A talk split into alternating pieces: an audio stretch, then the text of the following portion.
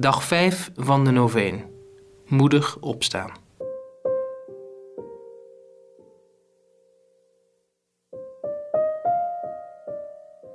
Veel van wat wij horen over het misbruiksschandaal geeft ons een gevoel van hulpeloosheid. We zullen moeten strijden tegen deze machteloosheid. Want toegeven aan dit gevoel van machteloosheid betekent dat je toegeeft aan de krachten die deze misbruiken hebben mogelijk gemaakt.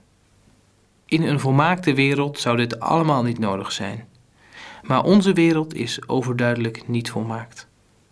En daarom vraagt het moed om op te staan voor het goede. God is altijd groter. Groter dan alles wat ons kan afschrikken. Daarom kon Jezus het kruis op zijn schouders nemen. En daarom vraagt Hij ons om Hem moedig te volgen.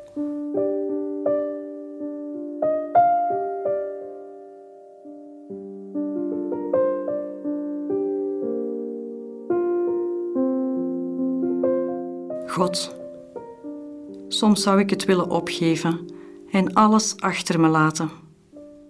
Tegelijkertijd weet ik dat het zinloos is om mijn ogen te sluiten voor het lijden.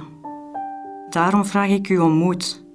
Geef mij de moed om alles wat mij afschrikt onder ogen te zien, hoe afgrijselijk het ook mogen zijn.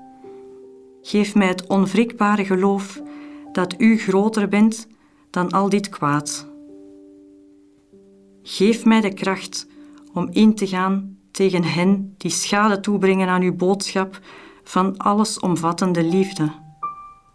Ik vraag dit uit naam van Jezus Christus, die zich liet leiden door uw wil.